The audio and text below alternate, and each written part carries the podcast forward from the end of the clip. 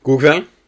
Dette er da et gruppeopplegg for de livsnære gruppene Guds menighet på Vegårshei. Vi er veke åtte og ni. Vi er nå i Efeserne fire. Og i kveld blir det et mer fauleperspektiv på teksten enn det blir å gå inn i detaljer. Så jeg har lyst til å lese fra Efeserne 4, 20-32. Og gjerne stopp opp og lest den høyt sammen, gjerne både to og tre ganger, for jeg tror teksten sier det den trenger å si i seg sjøl. Den trenger egentlig ikke så mye forklaring. Men jeg leser Efeserne 4 fra vers 20 og utover. Men dere er ikke slik. Dere har gått i lære hos Kristus. Dere har hørt ham og fått opplæring i ham ut fra den sannheten som er i Kristus. Så lev da ikke som før, men legg av det gamle mennesket som blir ødelagt av de forførende lystene. Bli nye i sjel og sinn. Kle dere i det nye mennesket, som er skapt i Guds bilde til et liv i sann rettferd og hellighet. Legg derfor av løgnen og snakk sant til hverandre. For vi er hverandres lemmer. Blir dere sinte, så synd det ikke. Og la ikke sola gå ned over deres vrede. Gi ikke djevelen rom. Den som har stjålet, skal ikke lenger stjele, men arbeide og gjøre noe nyttig med hendene sine, som kan ha noe å gi til de som trenger det.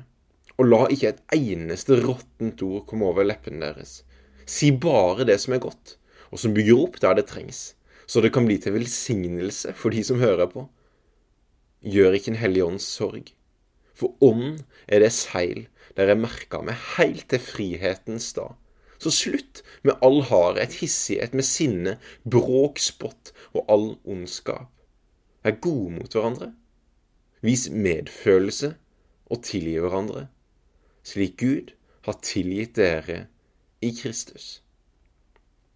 Som er denne omkledningsfasen.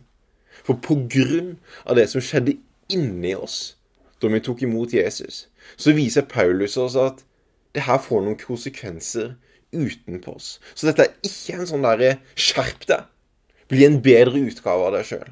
Det er ikke som det kryr av i bokhyllene, sånn hjelp til selvhjelpsliturgi. Nei, det er en forståelse av at når du ble kristen, så flytta Jesus inn i deg. Du er nå blitt Guds tempel. Og Gud ser på deg som hellig. Han begynner Efeserbrevet med Dere er hellige. Og så ser ikke vi på oss sjøl ennå. Så derfor må han òg be om at å, må du åpne opp deres hjertes øyne, så de kan se.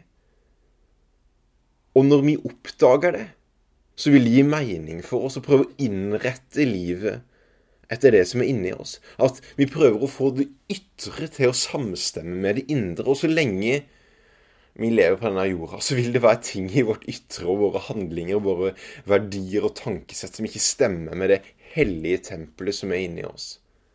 Men helliggjørelse er at det vi gjør, skal ligne på det vi er. For Gud ser på oss som hellig. Så dette er mer som at det er femåringen som blir minna på hvem han egentlig er, når han oppfører seg som en toåring og sitter der og skriker på når det ikke er taco til middag. Det kler han ikke lenger. Eller gutten som bestemte seg for å bli Liverpool-supporter. For du kan bestemme deg så mye du bare vil. Men om du ikke begynner å se på noen kamper, lære deg noen spillere, eller har noen å snakke fotball med, så er det bare et tidsspørsmål før du er langt ifra å være en ivrig Liverpool-supporter. Eller den fisken som plutselig har fått ekstra par med lunger, så han kunne ha levd på land. Den vil jo aldri funne ut at han kan klare det før han prøver. Og hvordan skal han gidde å prøve om ikke noen sier det til han? Så det Fesen egentlig sier her, det er jo nummer én at det er det her som er hvem du er. Den gamle oppførselen, den passer deg ikke lenger. Det kler deg ikke å lyge når identiteten din er at du er hellig. Det kler deg ikke å bli voldsomt sint for egoistiske grunner når Den hellige ånden bor i deg. Det passer seg ikke. Og nummer to, altså den nye identiteten din, den krever noen valg. Sånn den gutten som skulle bli supporter. Det krever noen handlinger. Hvis ikke så er det bare et tidsspørsmål før du er døende i den troa du har. Og nummer tre, du har altså fått noe. Du har fått Den hellige ånd. Og du, det er ikke sikkert du føler deg for det. Det er ikke sikkert du kjenner det annerledes. Det er ikke sikkert du har noen påvirkning ennå. Ikke før du prøver. Ikke før du smaker og ser at Gud er god. Ikke før du tester ut og ser om Å ja, jeg hadde faktisk styrke den dagen. Eller jeg, jeg kunne be for den her og se at noe skjedde. Eller jeg kunne vise omsorg selv om jeg naturlig føler på at føler på en egoisme. Vi må teste det ut. Så for å være litt konkrete, så tror jeg Salme 119,9 sier det godt. Så hvordan skal en unge holde sin sti rein? Jo, det må holde seg til ditt ord. Så hvis vi skal ta noen, noen veier inn i helliggjørelse, så tror jeg nummer én kan være være det å, å, finne ut av hva som er sant. Så nummer én kan bare være det å, å lese denne teksten sammen. Det å faktisk bla opp i Bibelen og begynne å lese hva som står der. For vi kan ikke vite hva som er sant før vi, før vi ser det.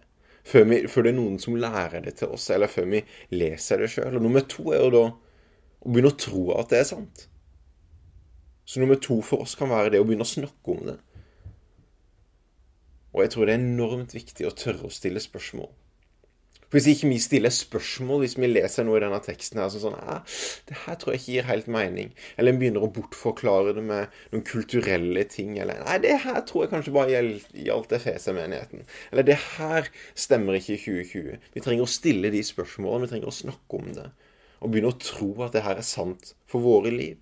Og så nummer tre vi trenger å lytte. For jeg tror at bare det når dere leser den teksten høyt for hverandre, så vil Den hellige ånd minne dere om forskjellige ting. Jeg har en kone som Jeg tror ikke Den hellige ånd jobber veldig mye med, med henne når det kommer til sinne.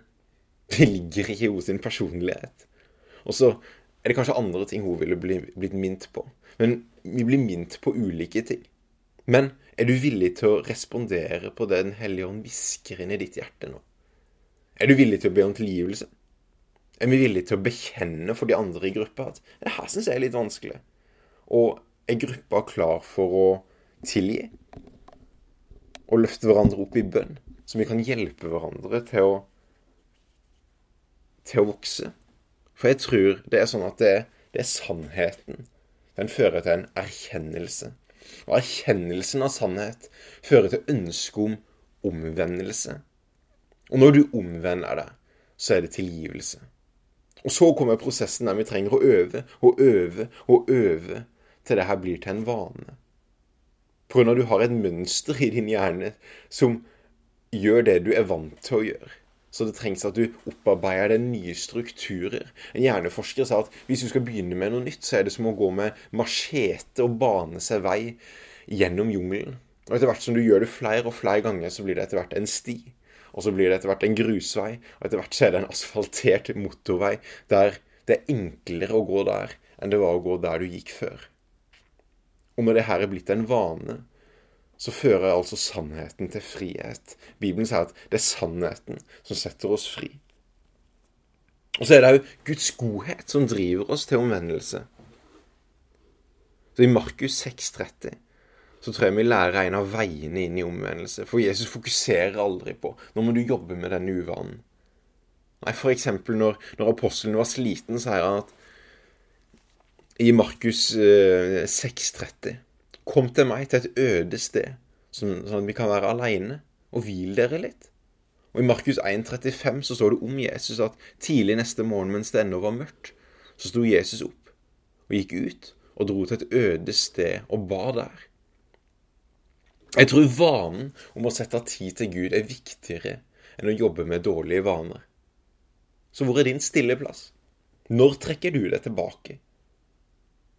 Jeg tror det er viktigere for sinnemestring enn det å jobbe med sinnemestringsstrategier. For jeg tror kilden er løsningen, ikke atferdsterapi. Det fungerer delvis, men det er sannheten som setter oss fri. For meg så er det å koble Bibelen på lydbok og gå ut og løpe en tur. Det er min stilleplass. Og der skjer veldig mange av de viktige prosessene i livet mitt. Der er det blitt skapt mye glede. Der er det blitt skapt behov for at når jeg kommer igjen, så trenger han be om tilgivelse for måten jeg oppførte meg på. Der blir det skapt større perspektiver. Der får sannheten lov til å rotfeste seg.